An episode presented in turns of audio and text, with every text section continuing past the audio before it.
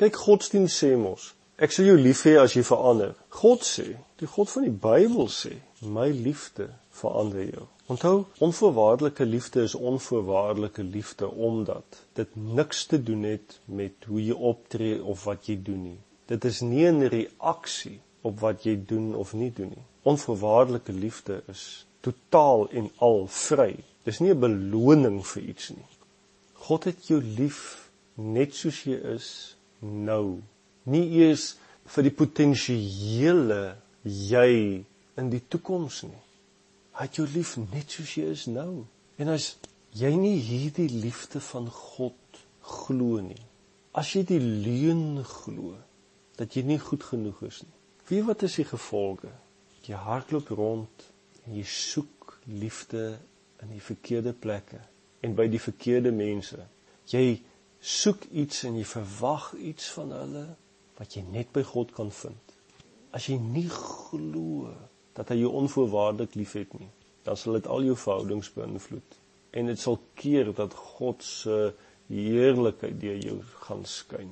Jy gaan altyd na binne gerig wees. En jy gaan net jou hele lewe bou op hoe jy voel. Jy gaan ook uitwaarts kyk, ja, want jy gaan jou waarde bepaal deur prestasies en wat jy besit of wat ander van jou sê. Sien wat gebeur as jy nie glo in God se onvoorwaardelike liefde nie. As jy die leuen glo dat jy nie goed genoeg is nie, dan glo jy 'n leuen oor jouself en vertel jy jouself heeltyd ek is nie goed nie, ek kan niks reg doen nie, ek is tot geen nut vir enigiets of enige iemand nie. Ek kan nie, ek is nie in staat nie, ek kan nie myself aanvaar nie soveel tye in jou lewe het jy al die leuen gehoor. Jy is nie goed genoeg nie.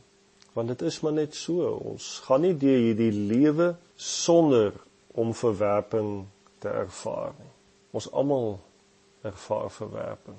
Ons almal hoor ek is nie goed genoeg nie. Daar's ander beter as jy. Ek kan jou nie lief hê nie want en weet jy wat hierdie verwerping se gevolg is dat jy jouself in valse identiteite vind. Dinge wat sê ek is wat ek doen. Ek is wat mense van my sê. Ek is wat ek besit of het. Ek is wat ek vermag bereik. Hoeveel mense ek beïnvloed. Jy sien as ons by die plek kom om te glo al hierdie stemme wat ons waardeloos en ongeliefd laat voel dan gaan net sukses, populariteit, mag aangegryp word en verstaan word as die oplossing van die probleem. Jy sien die grootste tronk in die lewe is nie sukses of populariteit of dat jy invloed of mag het nie, maar dat jy jouself verwerp en twyfel in wie jy werklik is. En daarom nooi Jesus vir jou kom ontdek God se denke oor jou voor die grondlegging van die wêreld. God is nie 'n mens nie. Hy het nie lief soos wat ander mense liefhet nie. Hy het nie lief omdat hy liefgehê word nie. Hy het nie lief omdat dit van hom verwag word nie. Hy het jou onvoorwaardelik lief omdat hy dit gekies het, omdat hy jou geskep het, omdat hy begeer om by jou te wees, omdat hy geniet om by jou te wees, omdat hy vreugde en vrede in sy hart rakende jou het. Sefanja 3 vers 17 sê: Die Here jou God is by jou, 'n held wat verlossing skenk. Hy verheug hom oor jou met blydskap. Hy swyg in sy liefde.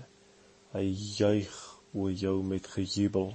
En jy sien, daarom as Jesus vir jou en my sê kom, dan kom nooi hy ons om sy onvoorwaardelike liefde te ervaar om vanuit hierdie onvoorwaardelike liefdeswaarheid te leef.